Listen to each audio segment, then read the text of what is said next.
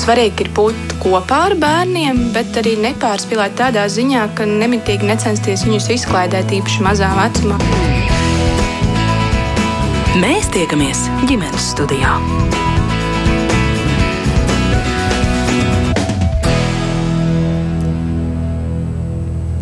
Labdien, priecājos sveicināt jūsu visus redzējumu ģimenes studiju klausītājus. Mans vārds ir Agnēs Linka, šī redzējuma producente ir Sarmīta Kolāte. Vasara savulaik bieži bija mazbērnu un vecvecāku īpašs laiks kopā, bet mainoties tam, kā mēs dzīvojam un strādājam, skaidrs, ka tā tas vairumā gadījumu vairs nav, ka bērnu aizved pie omītes un opīšu 31. maijā un 31. augustā paņem atpakaļ. Kā tad mainās bērnu un vecvecāku attiecības mūsdienās un kādas vispār ir paudžu kopā būšanas tradīcijas. Tagad Latvijas Universitātes sociālā zinātņu fakultātes pētnieki ir iesaistījušies pētījumā par starppaudžu attiecībām un senioru vientulību, un ar šo tematu arī iedvesmojuši mūs sarunai šodien ģimenes studijā, kurā piedalīsies sociāla antropologs Artūrs Poškāns. Labdien! Sveiki! Mediātora un ģimenes psihoterapeita Lelda Kāpiņa pievienojas mums attālināti. Labdien! Labdien! Un ģimenes studijā es sveicinu parasti invalīdu un viņu draugu apvienības apērons vadītāju, bet šoreiz sarunā piedalās kā vectētiņš vai varbūt opītis, Ivars Balodis. Labdien! Labdien! Un arī dzen vēl viens vectēvs, viņš arī orientēšanās sporta leģenda, atļaušos teikt tā, Rodrigo Slaviņš sveicināti. Labdien! Arī jūs klausītāji, kā vienmēr, varat pievienoties šai sarunai ar saviem pieredzes stāstiem, viedokļiem, varbūt kādiem komentāriem vai jautājumiem par tēmu. Ja tādas pārdomas rodas, droši rakstiet mums, sūtiet ziņas no Latvijas radio mājaslapas raidījumam ģimenes studija. Bet eh, sākot sarunu, es lūkšu Artur jūs izstāstīt, nu tās starpauģu attiecības, tas ir tāds ļoti plašs jēdziens un plašs pētījuma lauks. Jums ir jāiezīmē, tad, par ko īsti ir šis pētījums, kurā piedalāties. Jā, paldies. Tātad tas um, pētījums mums ir starptautisks kopā ar pāris Rietumēropas valstīm, tātad Somija, Zviedrija, Vācija. Un visās šajās valstīs kopā tas, ko mēs skatāmies, ir, kā mainās senioru ikdiena, it īpaši senioru, kur dzīvo viena ikdiena, saistībā ar digitalizāciju. Jo nu, no vienas puses mēs redzam digitalizāciju kā milzīgu iespēju, ļauj cilvēkus sasniegt, ļauj cilvēkiem turpināt darba gaitas, izklaides iespējas, tik daudz viskā laba. No otras puses, tas var novest pie lielākas izolācijas, tas var novest pie tā, ka pakalpojumi patiesībā pat kļūst nepieejamāki, jo pēkšņi viss, kur tu varēji aiziet un viss, ko tu saprati, ir aizslēgts. Un tā vietā ir tikai pieejams viss internetā, kurā tu ne pārāk labi obligāti orientējies. Ja. Un tad, nu, tādā, tādā kontekstā mēs skatāmies uz, uz tām lietām. Bet, nu, tā pievēršoties tam starppaudžu attiecībām, tas, tad, protams, arī ietekmē šī lielā, mm, sauksim to par lielo transformāciju, kas ir īpaši notika, protams, tagad pēc Covid laika, kurā mēs visi iemācījāmies, ka video zvans ir tāda lieta, ko mēs visi zinām, vai esam vismaz dzirdējuši par to. Uh, iemācījāmies viens otram biežāk zvanīt, iemācījāmies sūtīt ziņas. Un tas ir mainījis kaut kādā veidā tos veidus, kā mēs viens ar otru sazināmies, gan, gan ģimenēs, gan citādāk. Jā, lielā transformācija. Es uzreiz pieķēros šim eh, terminam. Tas ir kaut kas tāds uh, pilnīgi zinātniski, zinātnes vidē izplatīts. Um, nē, nē, tas, tas drīzāk no manis nāca. Jo, ah. par, tas nāk tāpēc, ka it īpaši Latvijā šobrīd ir tas mērķis tā tiešām ļoti aktīvi no valsts puses spiest uz to, ka mums ir jākļūst visiem ļoti digitalizētiem. Uh, visiem ir jākļūt mētī pratīgiem, visiem ir jāprot viss. Un, un vienlaikus nu, tur nav varbūt vienmēr līdz galam izdomāts tieši, kā mēs to sasniegsim. Un tur sāksies interesanti stāsti par digitāliem aģentiem un digitāliem līderiem un vispārējo. Mm -hmm. Kādā stadijā tas pētījums ir šobrīd? Uh, šobrīd jau pētījums ir gandrīz jau uh, teiksim, otrajā pusē, sauksim to tā. Uh, jo galvenā pētījuma daļa sastāvēja no tā, ka mēs sazinājāmies ar senioru biedrībām uh, trijās vietās Latvijā kur viņi tad, un kopā ar viņiem veicām šo pētījumu. Un taisnība pētījums arī bija pietiekami inovatīvs. Jo seniori paši bija tie, kuri veica pētījumu. Mēs ar viņiem vienojāmies, kas viņus varētu interesēt, kas mūs interesē. Tad viņi bija tie, kas devās intervēt citus seniorus, viņiem runāt, pārunāt šos jautājumus. Tad no turienes mēs dabūjām visu šo informāciju. Šobrīd viss informācija mums jau ir. Un mēs jau esam veikuši vietējās prezentācijas, un tagad tikai atlicis sarakstīt visu, kas vēl ir jāuzraksta. Jā. Mēs no tā, kas nonāca ģimenes studijas rīcībā, izvilkām mums interesantu šo aspektu par attiecībām starp senioriem un viņu jaunākajām paudzēm, bērniem un mazbērniem. Protams, ļoti daudz tajā, ko jūs jau esat uzrakstījuši un publiskojuši, parādās tas vientulības jēdziens. Vai var teikt, ka tā šobrīd ir tāda izplatītāka parādība kā kādreiz, tieši runājot par attiecībām starp uh, senioriem, viņu bērniem un mazbērniem? Uh, jā, un nē. Uh, Mums par šo ir bijušas arī uh, lielas diskusijas arī mūsu pētnieku starpā. Jo no vienas puses, protams, mēs redzam, ka pieaug cilvēku skaits, kas dzīvo vieni. Un ne tikai starp senioriem, bet kopumā Latvijā. Uh, cilvēki, kurš dzīvo vieni, šis, šis skaits pieaug. Um, Un, nu, ja mēs skatāmies, tad tās attiecības, protams, arī mainās. Bet eh, ko nozīmē dzīvot vienam? Tas ir tik ļoti izplūdes jēdziens. Ir īpaši, kad mēs runājam ar senioriem, viņi mums ļoti uzsvēra, ka, nu, pagaidiet, ko jūs ar to domājat? Vientuļš seniors ir viena lieta, cilvēks, kurš dzīvo viens, ir otra lieta. Tāds, kurš reizēm dzīvo viens, ir kāds, kaut kas cits. Es, piemēram, kāds seniors teikt, es nedzīvoju viens. Es, eh, man ir mani radinieki, kas man pietiekami bieži apciemo. Es neesmu viens. Cits teikt, nu, es dzīvoju viens tikai vasarā, kad es aizbraucu viens pats laukos dzīvot, un es negribu nevienu satikt. Nu, un, tad, tas, un tad šeit sākas tādi dīvaini, mm, tādi svarīgi izšķirt, ka tajā brīdī, kad mēs sakām, īpaši šo vārdu salikumu vientuļš pensionārs, tas rada tādu ļoti specifisku bildi, kuru arī paši seniori ne īpaši grib, lai uz viņiem attiecina. Un, un tāpēc man liekas, ar to mums ir jābūt tādiem uzmanīgiem.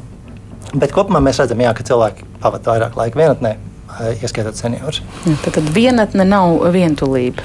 Tas jau ir tāds mm -hmm. pirmais, ko varam izkristalizēt. Eh, Lelda, gribu jums vaicāt, kāda ir jūsu vērojumi par šo visu un kas, teiksim, starp paudžu attiecības skatot un analizējot no sistēmiskās ģimenes psihoterapijas viedokļa, jūsuprāt, visspilgtāk iezīmējas tieši vecvecāku bērnu un mazbērnu attiecībās? Es pieļauju, ka tie vientuļie seniori nav tie, kas visbiežāk eh, kļūst par jūsu klientiem, bet noteikti jums ir kāda vērojuma par tām attiecībām savstarpējām. Jā, paldies par uzrunāšanu un paldies par stāstu par pētījumu.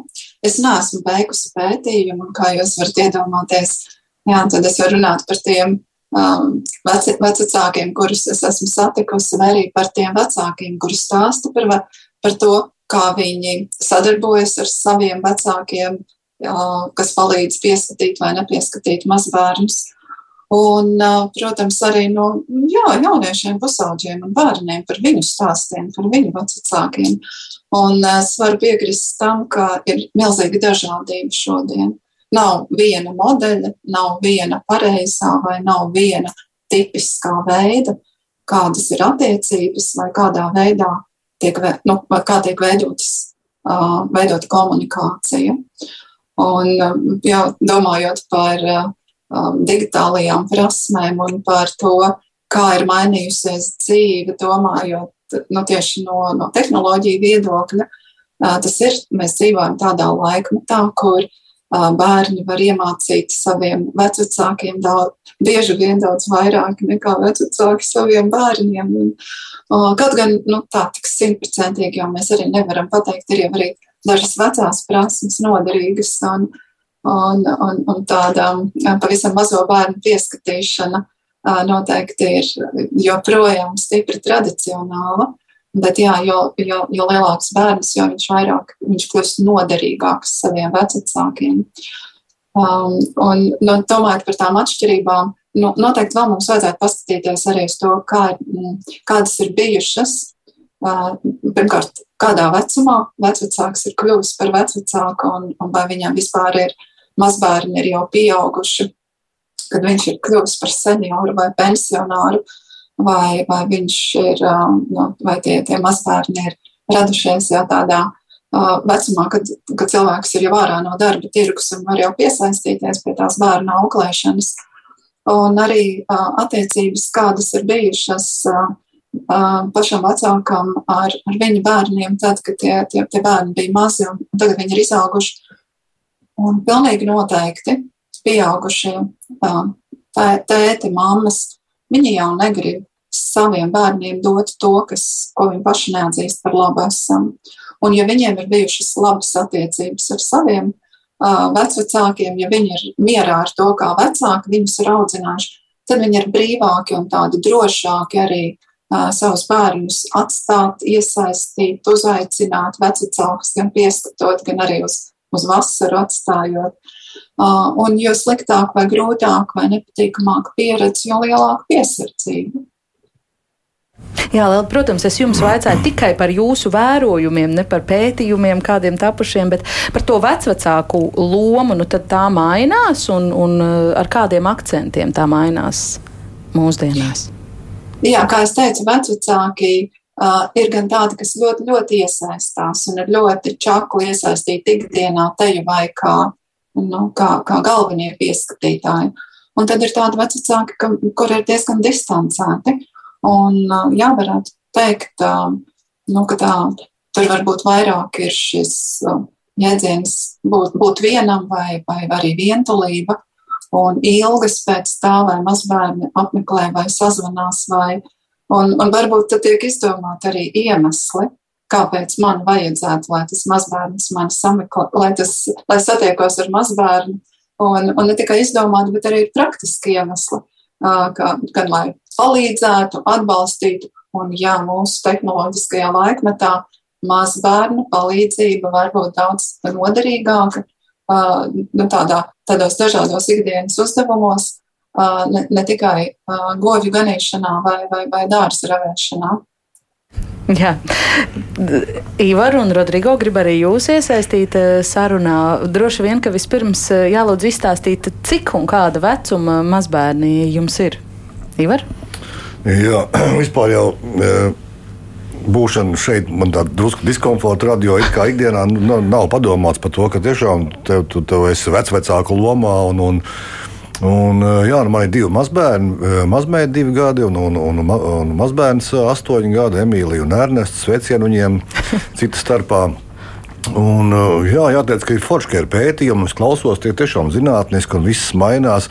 Man jau liekas, ka nekas daudz nemainās. Un tās attiecību, attiecību peripētīs, kas ir starp cilvēkiem, starp bērniem, vecākiem, mazbērniem, tās joprojām vienmēr ir bijušas un joprojām arī tādas pastāv. Un, Un tad, cik nu mēs veiksmīgi ar tām spējam sadzīvot, kā mēs viņus spējam nomenedžēt un kā mēs spējam pieņemt kaut kādas jaunas situācijas, droši vien tās tās lietas, par kurām vairāk jādomā, kā mums pašiem tikt ar to galā. Un tad, ja tu esi ticis galā ar to savu vecumu pieņemšanu, vai, vai vectēvu statusu, vai vecmāmas statusu, vai ar to, ka tev ar vecmāmu ir jādzīvo, vai vēl kaut kādas lietas, man liekas, ka tās tās lietas, kuras, kuras reizēm ir grūti saprast un pieņemt, un reizēm viņas ļoti dabīgi nāk.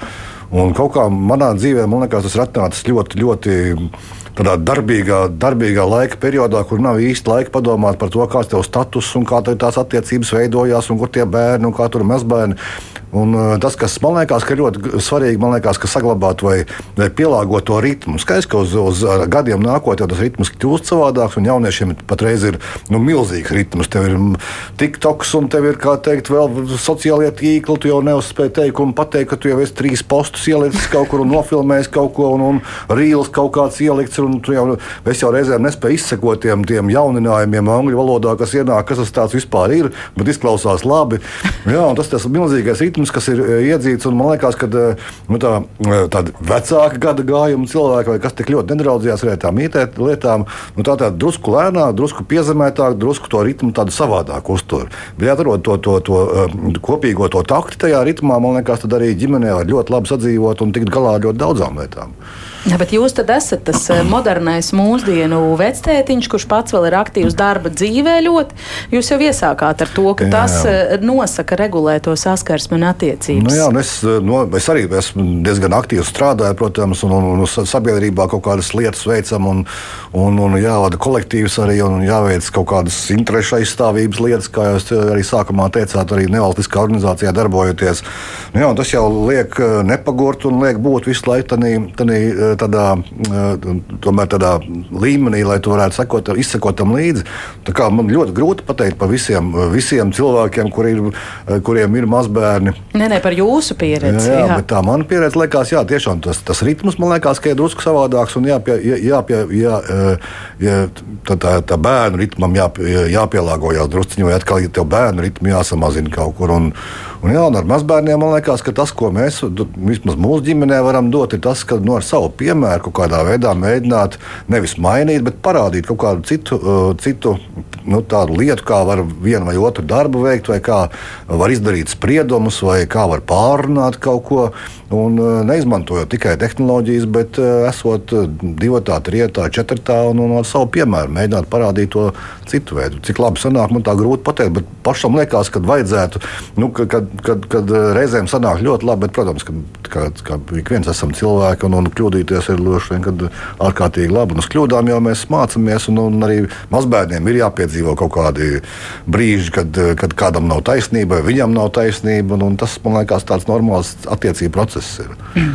Bet cik bieži reāli sanāk tikties un kas ir tās jūsu kopīgās Jā, nu, nodarbes? Nu, man, man modernā, modernā vectēva dzīvē ir tā, ka mēs dzīvojam trīs paudzes vienā, vienā mājā un tad esam nepārtrauktā kustībā un, un ir atvērto durvju princips gandrīz. Un, un tad, nu jā, tad, tad jūs esat ļoti klātesoši. Ļoti klātesoši un, un reizēm tas ir tā mulsinoši, bet, nu jā, protams, kad saprotot to, ka bērnam ir jābūt iespējām un, un mums pie mājas eh, pie, pie sienas arī pielikt arī mūsu galā, kur mēs, tie vecie cilvēki, dzīvojam.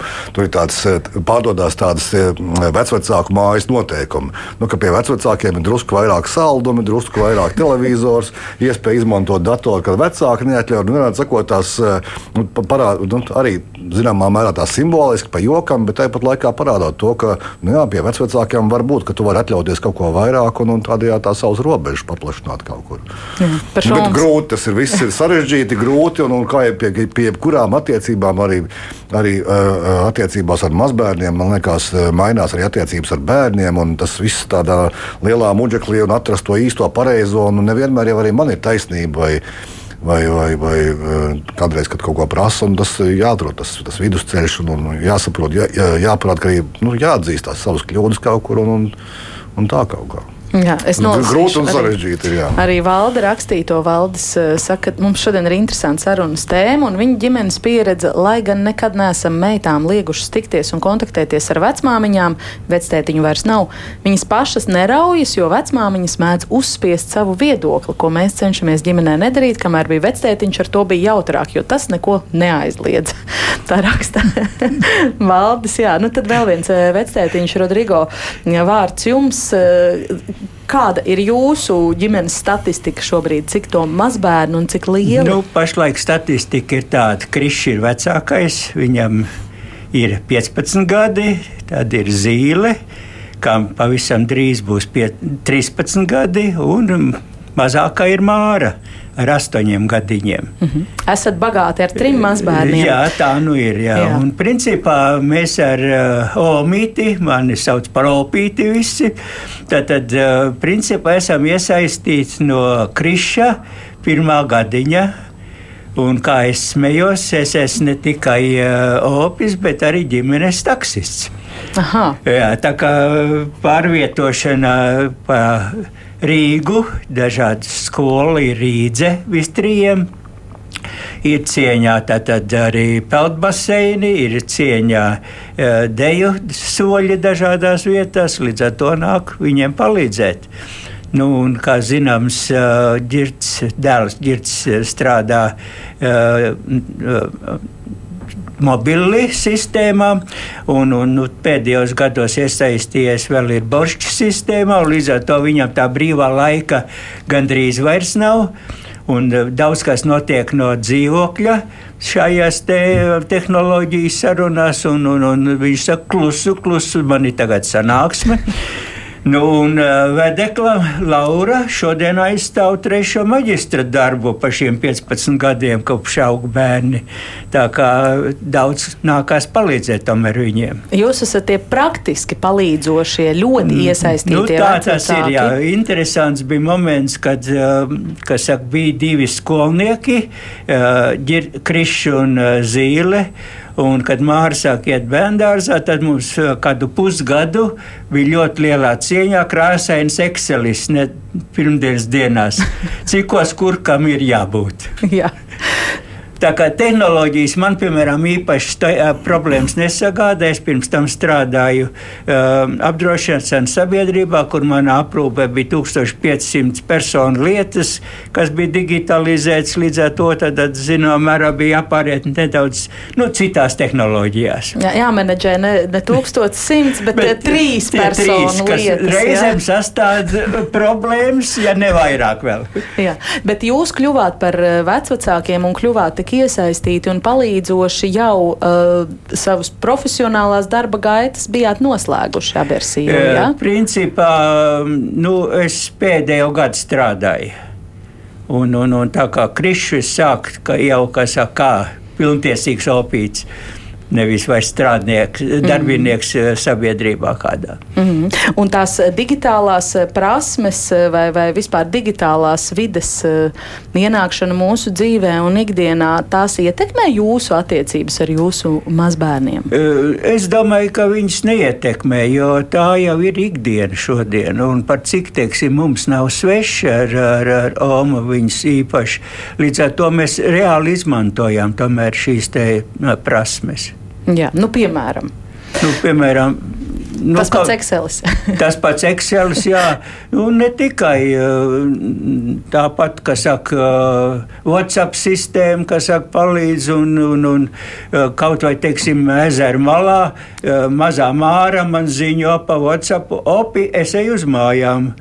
Jā, tā kā es varu mierīgi saka, makšķerēt turpat blakus, jo viņi aiziet no ūdeņiem projām.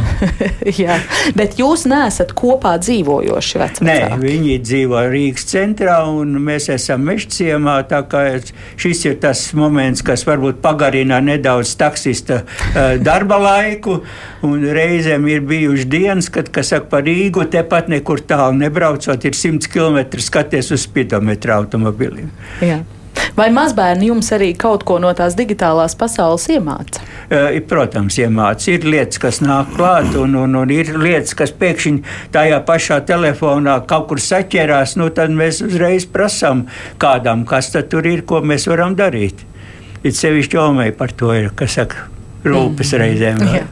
Un, ja nerunā par tādu praktisku palīdzību, bet par tādu kopā būšanu, kas ir tas, kā jūs pavadāt laiku, tad, kad nav kāds kaut kur jāaizved vai jāpieskat? Um, o, jā, tad, tad mums ir ļoti, bija ļoti cieņā ģimenes ceturtdienu vakariņas ko kāds gatavoja no ģimenes locekļiem, tad, viņu ja, mājā, tad, tad jauno mājā.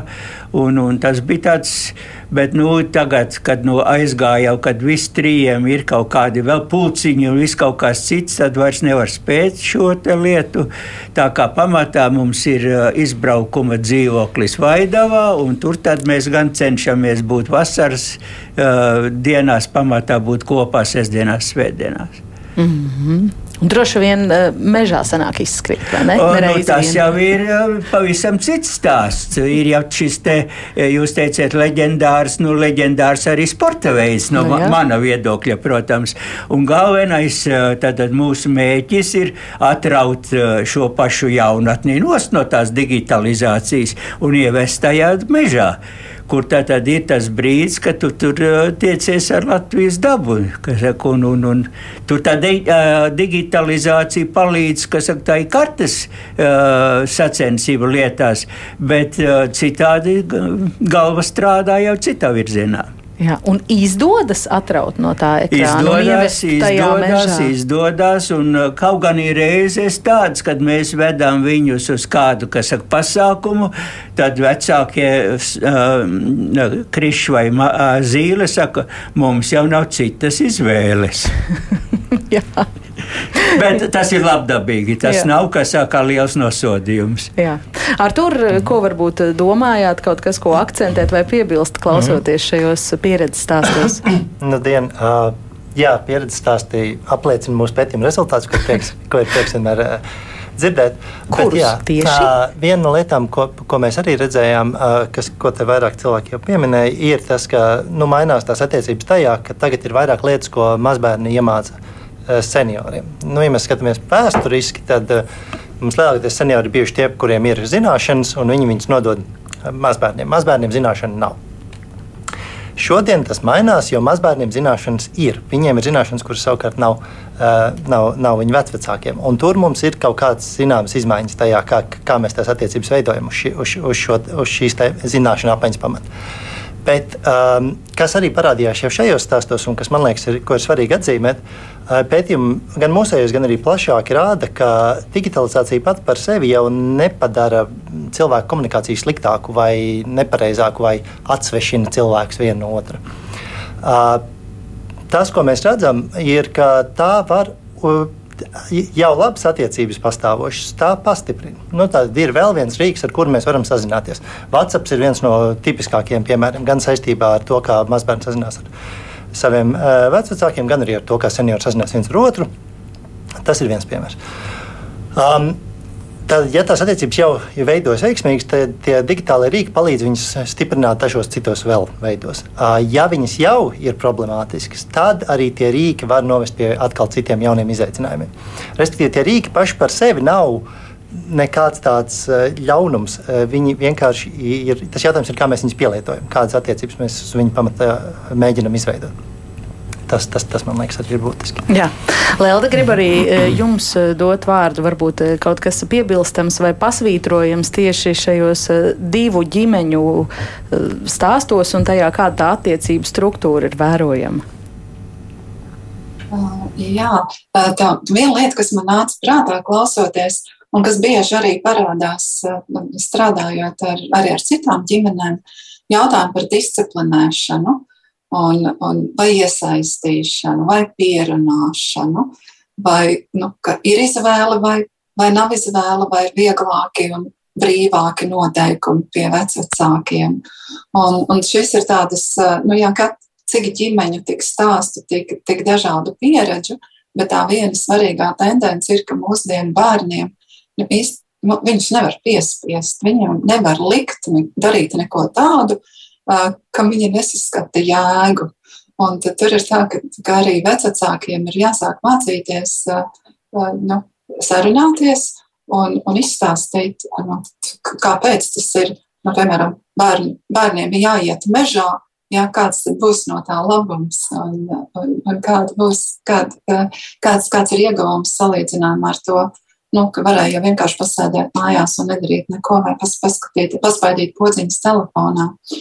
Un, nu, tā kā tās reizēm vecākiem un vecākiem būtu labi savā starpā arī pārunāt un vienoties nu, par tām labām pieredzēm, kas, piemēram, ģimenē ir, ir tīpaši ar tiem vecākiem, ar ko nedzīvo kopā. Jo savādāk, nu, tā bezpalīdzības sajūta, ko es reizēm esmu dzirdējis, kas sūdz man to bērnu, un viņš ir pilnīgi nevadāms, nevaldāms, jo es nezinu, kā ar viņu runāt, kā ar viņu apieties. Jo nestrādā tas, kas man savukārt strādāja manus bērnus audzinot. Es visus, visus esmu izaudzinājusi un savējos, un, un tagad šitie nu, pilnīgi nereaģē uz to, kas kādreiz likās ļoti efektīvas metodas. Uh, nu, jā, un, un tad tā, tā, tā otra lieta, jā, kas arī tāda tipiska tendence. Vecāki drīkst palutināt bērnus mazliet vairāk, bet, protams, ir atkal jās, jāsaprot, nu, cik tālu tā lutināšana aiziet. Un arī lai nav tā, ka nezinu, vīra māte kļūst par ienaidnieci, tāpēc, ka viņa ir atļāvusi kaut ko tādu, ko vedeklā ir stingri un skaidri noteikusi, kas ir pilnīgi nepieņemams un neatļaujams. Um, Te laikam atsauc uz to valde rakstīto par tām vecmāmiņām, kas mēdz uzspiest uh, savu uh, viedokli. Piekrītat tam, ko Lelde teica? Tur tāda šaura līnija. oh, Liela, tik daudz visu kaut ko teica. Jā, protams, ka ne par to disciplinēšanu, protams, ka tā e, ir kaut kādas konsekvences, kuras ir jāievēro, un tās ir ārkārtīgi svarīgas. Bet, e, nu, tādā, skaidrs, ka man kā, e, kā vecvecākam, piemēram, reizēm liekas, ka, nu, tomēr, nu, es zinu labāk, un šeit nevajag, nu, nekāp uz tā grābekļa, un, un, un, un, un nevajag tā darīt. Un, un, bet, nu, jā, nu, protams, ka es, te, tie nav mani bērni, un vecāki ir atbildīgi par to Un es tikai varu ieteikt, vai to ņems vērā vai neņems, ir teikt, vecāko atbildībā. Bet, um, Bet jā, nu jāpieņem arī tas, ka, ka bērni var neklausīt, un, tie, un ka viņiem ir jāaudzina tā, kā viņi to uzskata, jo viņi jau beig, beigās ir vecāki. Un tas tā, tā sarežģīti liekas. Un reizēm jā, liekas, ka arī tiem, uz tiem grābekļiem nu, ar teorijām ir forši un, un labi izstāstīt, bet pašiem ir jāuzkāpj uz tiem grābekļiem, jāsaprot, kā tas darbojas vai nedarbojās, un, un, un, un, un jāpieņem pašiem savu lēmumu. Un mums atkal, tiem vecākiem, reizēm ir ļoti grūti pieņemt tos noteikumus, ka nē, te, te nevar nevienu saldumu pēc sešiem ir aizliegts. Nu, jā, labi, bet tās konsekvences kaut kur drusku pazūd. Bet, eh, protams, ka eh, tādās normas robežās vismaz man tā liekas. Bet, bet, eh, Jā. Nu, sarežģīti, protams, tas atkal mainās gan vecāku un bērnu attiecības. Mazbērniem esot klāt, vismaz man tā liekas. Un, un, un, un ļoti svarīgi ir noturēt viņus tādā pozitīvā gultnē, tālāk virzīt. Un, un, un skaidrs, ka tiem mazbērniņiem ir milzīgs prieks neapšaubām vecākiem. Tur jau nav ko noliegt. Mm -hmm. Lutina mūs ar mazbērniem. nu, man liekas, ka pat taksistu var pastrādāt drusku ilgāk, un, un tajā brīdī liekas, ka tā ir liekas, nāk vēl kaut kas jādara. Ir, beigās jau tas laiks, ko tu pavadi ar tiem bērniņiem kopā, man liekas, ka ir zelta vērts. Nē, nē, vispār tas, tas ļoti patīkami. Mm -hmm. Tur nav nekāda šaubu par to. Jā, un tagad jau sākās tādas sarunas par to, kas tur Amerikā notiek, vai, vai kā tur Latvijas politika, vai vēl, atsakot, mēģināt pārunāt kaut kādus jautājumus. Un, un, un, un, un, un likt aizdomāties par kaut ko. Man liekas, ka tā ir tā svarīgā lieta, ko arī vecāki var, var veltīt laiku vairāk nekā, nekā bērni saviem eh, bērniem. Un, un tas, tas mūsu, tas, man liekas, ka virsmas ir atrast laiku un, un, un pavadīt laiku kvalitatīvi mm. kopā. Es te nesen māru vedu no zooloģiskā dārza vienas svētdienas mājās pēc tikšanās nu, kaut kādā ģimenes no klases eh, jubilejā trīs stundas. Pēc tam viņi man uh, stundu mašīnā stāstīja, ko interesantu viņi darīja. Un runas plūdi bija tāds, mm. ko nekādīgi nevar apturēt. jā. jā. jā, labi, ka nevis Twitterī ierakst kaut kādu ziņu, vai ne, bet tomēr jā. padalās un, un mēģina formulēt tās savas jā. domas un runāt. Tas man liekas, mm -hmm. kas svarīgi ir. Jā par noteikumiem, un disciplīnu un viedokļu apmaiņu uh, ikdienā domājat? Domājām, bet nekādīgi nefiksējām to, kur tas noteikums ir, kur nav noteikums. Priekš tam ir arī kaut kādas jūtas, nu tā, no, uh, nojautas, kā tas ir jādara. Mm. Nav formulēts, ka šodien vajag tikos un uh, to un to. Un, vai ko citu. Jā, ir dis... vecāku mājas noteikumi. Tas arī jāņem vērā, un arī tās ir konsekvences, pie kurām vecākiem bērniem jāpieturās. Jā. Ilze mums raksta kāda klausītāja, ka viņai šķiet, ka vecāki steidz nosodīt ekrānu laiku, bet tāpat laikā paši ļoti daudz laika pavada ekrānos, televīzijā un tā tālāk. Tāda dubultā morāla sanāk. Um. Šis, Arturs, jā. Jā, šis, ir, šis ir grūtais jautājums, jo šis jau nav tikai par vecākiem. Šis ir arī par vecā, vecākiem. Nu, protams, kur jā. mēs redzam to, ka um, mēs sakām, ka lietot tehnoloģijas ir nepareizi, skatīties telefonā tik daudz ir nepareizi, bet tas jautājums par mūsu pašu ierīču lietošanas paradumiem paliek ļoti komplicēts. Un atkal nevar, protams, tā vispārināt. Ir, ir, ir dažādas tās pieredzes un dažādas ģimenes. Um, Bet uh, viena no lietām, kas būtu jāņem vērā, ir, ka uh, problemātiskās tās lietošanas prakses mēs jau redzam visriņķī, gan ģimenē, gan skolā, gan viskaut kur. Un tādējādi nav gluži tā, ka mēs vienmēr varam teikt, ka tas bērns ir slikts tikai tāpēc, ka viņam ir citi lietošanas paradumi. Vai viņi ir problemātiski? Nu, tur ir tāda smalka robeža, kur ir jāvar noķert un pie kuras ir jāstrādā. Tur, es domāju, kolēģi labāk varēs pastāstīt. Um, Bet uh, es domāju, ka arī ir jāatpazīst, ka vienkārši mums ir mainījies tas modelis, kurā brīdī, kā jūs teicāt, ik brīdim ir jauns rīls, ik brīdim ir jauns kaut kas. Uh, ir cita veida saskarsme, cita veida, kā mēs uh, paužam informāciju par sevi arī pasaulē.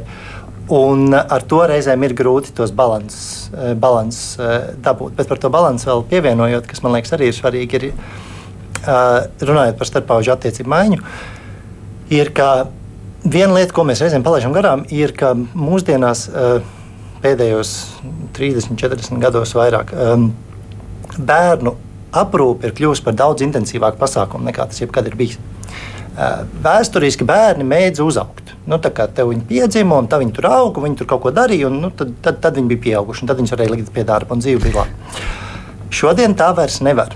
Šodien viņš ir jāattīsta no pirmās dienas. Viņš ir jāved uz visām nodarbībām, viņam ir jādod visāds atbalsts, viņam viss kaut kas ir nepieciešams. Un nav tā, ka es saku, ka tas ir slikti, bet mums ir jāatpazīst, ka ir cita veida bērnu audzināšanas prakses, cita veida sistēmas, daudz, daudz intensīvākas.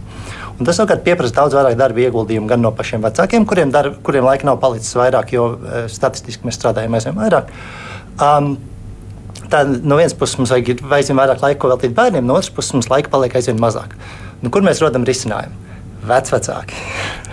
Vecvecāki parādās kā viens no iespējamiem risinājumiem, kur, kur tad uh, var palīdzēt iesaistoties šajās ģimenēs. Nu, tur, kur, tur, kur tas attiecības ir labas un tās iespējas pastāv.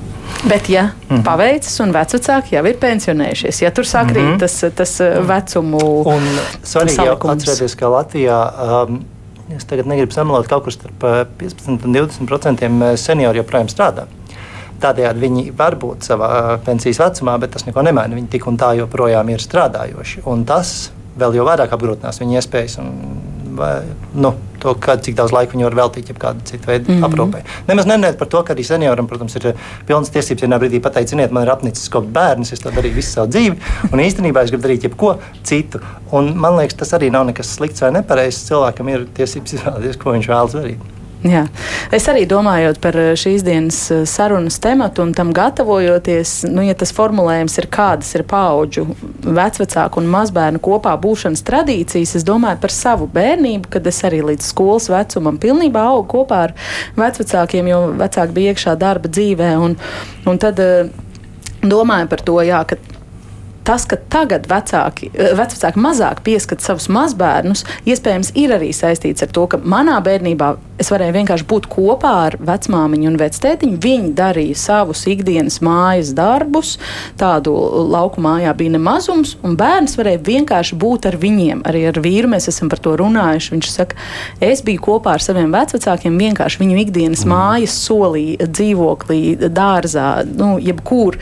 Bet šobrīd tiešām, kā Artūrs to jau iezīmē, nozīmē ir tā, ka daļā sabiedrības, vismaz pilnīgi noteikti, un arī daļā Latvijas sabiedrības, tiek pievērsta lielāka uzmanība tam, kā bērns e, pavada savu ikdienu.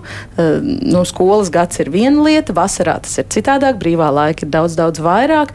Kā tad viņš būtu jānodarbina un nav tik izplatīta pieeja vienkārši būt kopā? Lelde? Mm. Jā, es piekrītu. Uh, un, un, jo ir mainījusies uh, nu, tā vide, kurā mēs dzīvojam.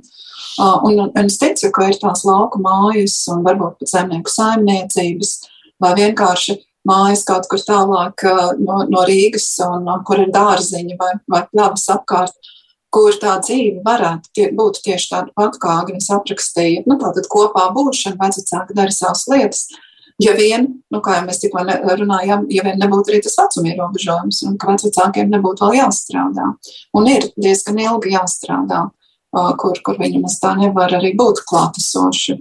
Un var, varbūt, ka tur jau ir tā viena paudze starpā, kad patiesībā mēs runājam par mazbērniem, mazmazbērnu un vec vecāku attiecībām, nu, kur, kur tā šķērīt varbūt ir pienākusi beidzot tas brīdis, kad pilnīgi noteikti bērns var jau sākt droši pieskatīt, bet tad varbūt tie spēka vairs nav. Un tas, kas ir, ir mainījies, tas laiks, jā, ka, ka varēja būt vienkārši kopā, un, un ka tagad nu, noteikti mūsdienās tipiskā, vismaz tas atkal, ko es dzirdu, no vecākiem, kas domā par, par bērnu vasarām, tātad uz kuru nometni, cik, cik, uz cik nometnēm, uz, uh, un kurš aizvedīs. Un, uh, un, un kurš vēl samaksās par tām dārgajām nometnēm? Kurš samaksās, ja tā kā vecāki varbūt strādā un, un samaksā par bērnu nometnēm.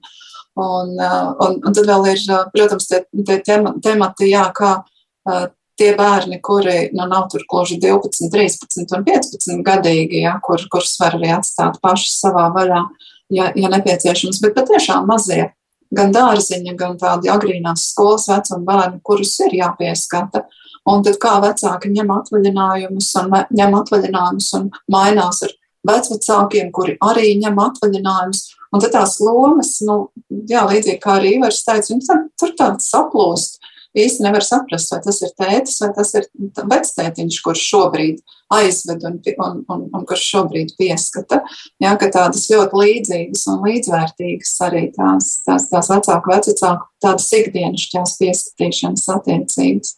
Mm. Ivar, esat domājuši kādreiz par to, ka mainās tieši tas skatījums uz to, kā tas bērns eh, tiek pieskatīts, kā paiet viņa mm. laiks, un arī tās vecvecāku un mazbērnu attiecības un kopā būšana no šī. Jā, tā tā loģistika arī, par ko kolēģis jau stāstīja, man liekas, ka ir ārkārtīgi milzīgi, ko vecāki paši veids. Protams, ka, kad mēģinot iesaistīt arī visus iespējamos resursus, sevišķi vasarā, man liekas, tas ir milzīgs izaicinājums. Protams, un, un, un, un atrast tās iespējas un, un, un, un veidus un, un pašiem atpūsties kaut kā bērniem, es domāju. Un, un, Un tad, eh, jā, tas ir tā, tā interesanti. Mēs vēl domājam arī par to, ka eh, parasti jau ir tā, ka, eh, ja pirms 30 gadiem vēl par to bērnu audzināšanu neko nezināja, tad bija tā spoka grāmata vai spoka grāmata, nezinu, kā tur pareizi izrunā, kur varēja smelties kādas gudrības, kas tādas atzītas, laikam, nepārāk labām.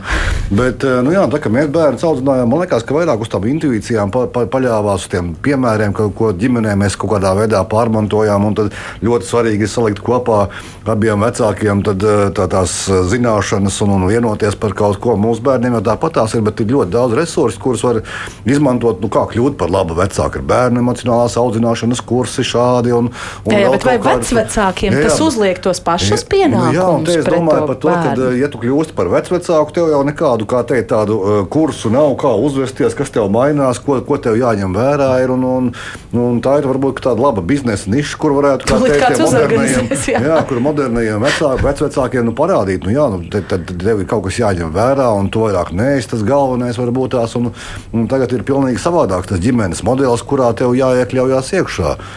Nu, tā, tā man liekas, bet tā, tādi kursi man liekas, ka būtu tādi interesanti un labi un paklausīties citu vecāku, tādas atbalsta grupas eh, ar tādu eh, izglītojošu, informatīvu ievirzi. Tas man liekas, ka būtu baigi labi. Jūs būtu gatavs? Es droši vien būtu gatavs, jo nu, redzot to, ka nu, tiešām man jau pašam ļoti grūti pieņemt tos situācijas. Es jau saku, jūs tā ļoti tā negaidīt man notē, notvērāt pie tās domas, ka es taču esmu vecvecāks un ikdienā man liekas, ka nu, man arī pa vectētiņu nesauc. Un tad ir tāds, nu, ziniet, kā bērni izdaisās iesauks, izdomā un tā. Un tas tad, tad liekas, ka tu jau neesi vēl tas tik vecs un, un tomēr neskaidrs sev senioru vecumā, bet, bet nu, jā, tur jau jāpieņem šī lieta. Ir arī grūti. Ir tā, tāpat kā jebkura jauna loma pieņemt jau savā dzīvē, grūti. Un ar vecumu vēl grūtāk tas notiek. Rodrigo, vai jūs varat salīdzināt teiksim, to, kā jūs, ja bija tāda iespēja, pavadījāt laiku ar saviem vecākiem, kā jūsu dēls pavadīja laiku ar saviem, un kā jūs tagad aprūpējat savus mazbērnus? Nu, tas ir absolūti pavisam cits kaut kas. Milzīga atšķirība. Milzīga atšķirība, jā. Man vectēvs bija kaut ko zirgkopējis, jā, es varēju, teiksim, ar viņu pavadīt zirgfermā pietiekoši daudz. Tādas iespējas mūsdienās laikam tik bieži nemaz vairs nav nav. Tās droši vien bija brīnišķīgas. Tas bija brīnišķīgs, neapšaubām, un tas bija laukumā jau, jau tā kā nu, šodien Rīgas dzīvoklis ir Rīgas dzīvoklis. Tā kā ir jāatrod cits iespējas. Piemēram, pašlaik Krišs strādā bērnu slimnīcā par veselu mēnesi būs eh, par dārzkopi. Ja? Un savukārt Zīle strādā boršķa virtuvē pie traukiem un pie kartupeļu mizošanas. Tā kā atliek mums mazā mārka ar viņu strādāt, lai viņi tiktu, kas saka, brīvā dabā no Rīgas ārā. Mm. Vai jūs jūtat, ka šodien ir eh, citādāks tas skatījums uz to, kā tam bērnam tas laiks ir jāpavada, cik piepildītam, cik organizētam tam eh, bērna vasaras brīvlaikam ir jābūt? Nu, Vai arī viņa drīkst vienkārši būt ar jums un darīt to, ko darāt jūs? Eh, viņi drīkst būt ar mums un gal galā tas, ko mēs, piemēram, dodamies kaut kur uz to pašu orientēšanos. Ja? Un mēs tur start, ejam distancītē kādā un mārā beidzot saka, bet es arī opi gribu. Un tur mums ir skoliņa, viņi iet skoliņā, un līdz ar to viņi dara to pašu. Jo gal galā man jau tā daudz vairāk cita pienākuma nav, tā taksista un pabūt kādā orientēšanās distancē. Ar to ir interesants pētījums. Man liekas, varētu sanākt, ja mēģinātu statistiski uzskaitīt, piemēram, vienas klases, viena vecuma vai sākuma skolas vecuma bērnus, aptaujāt, cik no viņiem brauc uz laukiem pie omītes mm. vai opīša, un kā tā statistika varētu būt mainījusies kādu 30, 40 gadu laikā? Nu, tā statistika pirmkārt mainīsies, tāpēc, ka mums lauki tukšojas. Tas mūsu pirmais iemesls, kāpēc jau tā vairs nenotiek, ir, kā jau minēju, nu, mums vairs nav zirgkopju. Mm. Mums ir tik maz cilvēku, kuriem ir lauku īpašumi, tik maz cilvēku, kuriem ir tāda iespēja vispār kaut kur doties. Uh, kas arī man liekas ir, ir svarīgi. Pietiekami liela daļa senioru dzīvo pilsētās, pietiekami liela daļa cilvēku pat, ja dzīvo reģionos, viņi dzīvo dzīvoklī un nav obligāti tā, ka viņiem ir tas zemes pleķītis, kuru mm. viņi pilsētā ciematos. Var, vai pat, teiksim, varbūt arī vai pat viņi grib viņu apstrādāt. Nu, tā kā ja tu visu mūžu esi tur rabējis un, un, un darījis citas lietas, vai tev arī turpinās to, vai vienmēr ir tā, ka gribās to darīt pēc tam.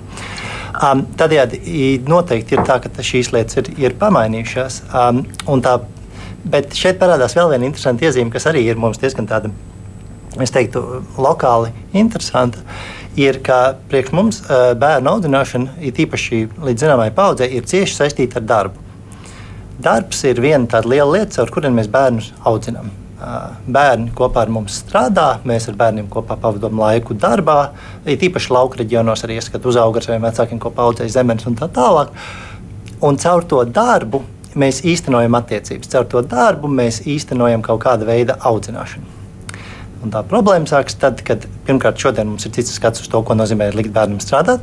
Un otrs, arī mums pašiem tas, kā mēs, mēs gribam vai negribam strādāt, un kā mēs strādājam, ir mainījies. Nu, piemēram, ja esmu bijis biznesa administrators, tad ko es tagad īstenam savam bērnam, nu, kā, kā mēs viņu kopā strādāsim, ko, ko viņš darīs. Nu, varbūt papīrs var pienest, bet nu, īsti jau neko. Sienu pļautnē jāatcīs, jā, nu, nu, nu, nu, un, un tādējādi mainās arī šis, ka mums ir tas pieredums bērnus audzināt caur darbu bet mēs to vairs tādā formā nevaram izdarīt, kā mēs to senāk darījām. Un tad tur veidojas pišķiņa citādāk atkal tie modeļi. Un tāpēc mēs nu, vēršamies pie visiem šiem jaunajiem modeļiem, pie visām jaunajām, nu viens no iemesliem varētu būt, kāpēc mēs vēršamies pie šīm jaunajām idejām, kāpēc mums ir svarīga visa šī vecākošana, angliski parenting, kas tagad ir kļuvusi par tik milzīgu, milzīgu nastu vecākiem. Um, Un kas tad ir? Mēs meklējam citus veidus, kā audzināt bērnus, jo tas mums vairs īsti nav iespējams.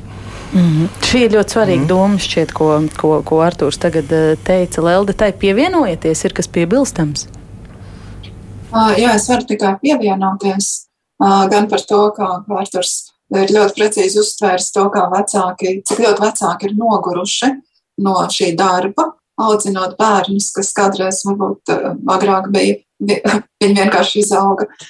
Gan arī jā, par to, ka šī um, darba audzināšana ir ļoti pilnīgi atšķirīga. Un, protams, mēs runājam par to, kā sadalīt mājas darbus un pienākumus un taisīt sarakstus. Un, nu, tā, nu, tā kā iepazīstināt bērnus arī ar kaut kādu ritmu un kārtību un pienākumiem. Uh, un, un tomēr uh, jā, tā nav tāda organiska tā kā elpošana, tāda strādāšana un dzīvošana kopā ar bērnu, kā kādreiz agrārajā pasaulē tas bija iespējams. Man grūti šobrīd vērtēt, vai tas ir tā labi vai slikti, atzinīgi vai skumji, ka tāda audzināšana caur darbu no vecāka puses vairs lielākoties nenotiek. Ivar? Jā, nu, tāpat jau noteikti, man liekas, un kaut kādas mājas darbus var veikt, un, un, un, un atkal par tādām konsekvencēm runājot, vienkārši vienoties, un tad, kas tam bērnam ir jāiemācās, un ko, ko bērni no sagaida no vec, vecākiem, un ko, ko, ko mēs sagaidām no bērniem un no saviem mazbērniem. Tā ir tā, tas, tās attiecību lietas, kas droši vien, kad savstarpēji runājot, jau var atrisināt, un var izdomāt, un var, var vienoties par kaut ko. Bet tas, tas vispār aktuāli? Nu, es domāju, ka ļoti aktuāli, jo nu, kaut kādai sistēmai, disciplīnai ir jābūt, jo tas jau tam bērnam, mazbērnam palīdzēs dzīvē, organizēt to savu, savu dzīvi kā tādu. Un, un, un, Un mēs jau varam būt tie vecāki, var būt tie, tie, tie, tie pozitīvā piemēra rādītāji brīžos, kad vecākiem vajag nav laika. Un tiešām vecāki ļoti aizņemti. Es nezinu, kas notiek, bet tas ritms ir milzīgs un laiks pazūd kaut kur un, un nepārtrauktos zūmos, un, un darbos, un pienākumos un atbildībās un, un vēl kaut kur iekšā tajā informācijas plūsmā. Nu, varbūt mums kaut kā mazāk tiem vecākiem tā informācijas plūsma ne, nav tik ļoti nozīmīga, un tad mēs izšķirojam to savu laiku, kam veltīt, kam neveltīt vairāk, un, un esam drusku gudrāki varbūt tās par tiem bērniem. Mm. vai arī ko tu tur daudz viņiem uzspiedīs no tās darba audzināšanas beigās? Mazmeitas teiks, redz, tā kā klausītāja rakstītajā vecmāmiņas tur par daudz uzdarbojas, es pie viņām braukt negribu, negribu ar viņām tikties. Kam man Jā, grūta jau, dzīve, ja varbūt beigās, vieglāk. Beigās jau paliek tas labais. Man liekas, tāpat kā zemiņu laukā bija jāstrādā un vajadzēja kaut ko darīt, un pie zirgiem vajadzēja strādāt, un tas darba tikums kaut kāds jau tika iemācīts, un to jau var iemācīt uz jeb, jebkura pamata, arī dzīvoklī. Var atrast to darbu. Pienākumu. Kaut vai, teiksim, no rīta gultu sakārtošana, jā, un virtuves darbi, kas ir, un, un, un pārējais mājas darbos. Tie arī darbi gal galā, un tur var zinām, kas saka pienākumu apziņa arī viņai jāaudzināts.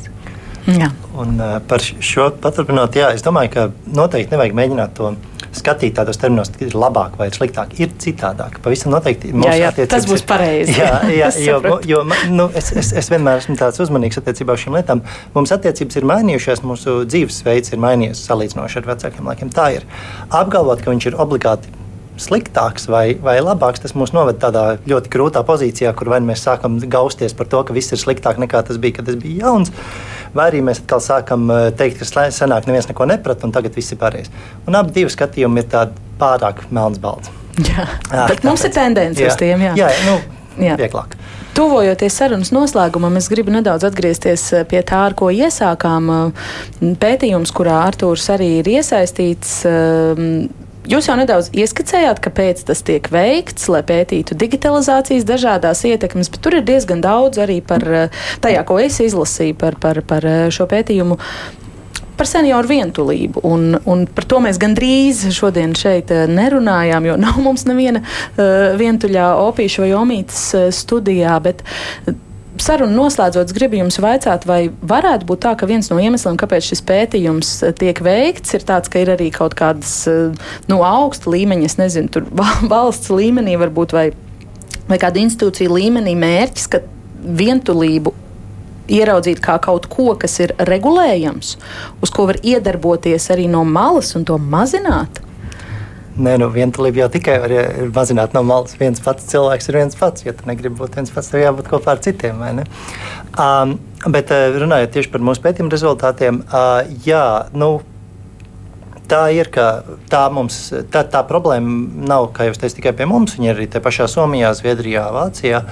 Uh, tas interesantais leņķis priekš mums bija tā savienošana ar to digitalizāciju, jo tā digitalizācija tiek skatīta kā tāds maģisks risinājums, kas varbūt to varētu novērst vai labot. Uh, Bet, protams, ka tas tā nestrādā, jo uh, tas, kas to labo, ir cilvēku vēlme uzturēt attiecības, cilvēku iesaist attiecībās.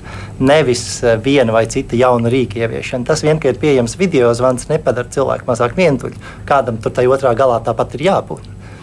Un tas ir tas, tas, tas būtu būtiskāks uh, aspekts šajā brīdī. Un, bet kas ir interesanti un kas man liekas ir uh, svarīgi, ir uh, Kaut arī kopumā mēs redzam, ka cilvēki dzīvo vairāk laika, nu, vairāk vienatnē un tā tālāk. Ja mēs salīdzinām pētījumus no teiksim, 2010. un 2016. gada, tad diezgan īsi mums viena minūte palikusi. Tagad situācija paliek labāka. Šī brīnišķīga frāze, ar ko, ar ko beigt Jā. Eh, šo sarunu. Jā, nu, un, un droši vien, ka tas ir vairāk par attiecībām. Es lielu man vairs nesenāk dot jums eh, vārdu rezumēt, bet uh, es atsaukšos uz jūsu teikto raidījumu vidū, nu, ka tas ir diezgan vienkārši. Ja tu esi jauks tagad, tad vecumdienās ir ļoti liela iespēja, ka tu nebūsi vientuļš vismaz ne no savu bērnu un mazbērnu puses. Paldies par sarunu ģimenes studijā. Es šodien saku sociāla antropologam Artūram Pokšam. Šānam es atvainojos, es raidījuma sākumā nepareizi izrunāju jūsu uzvārdu. Arī mediātoru un ģimenes psihoterapeita Lelde Kāpiņa, kā arī Ivars Balods un Rodrigo Slaviņš varbūt šodien nedaudz netipiskās lomās, bet bija kā, kā opīši, kā, kā vecvecāki, kā vectēvi šodien ģimenes studijā raidījumu veidojas Armīta Kolāte. Mans vārds ir Agnese Linka. Rīt mēs runāsim par e, pusauģu savstarpējo vardarbību un par daudziem notikumiem, kas pēdējā laikā galvaspilsētā piekaušanas bandas un tā tālāk to SMS.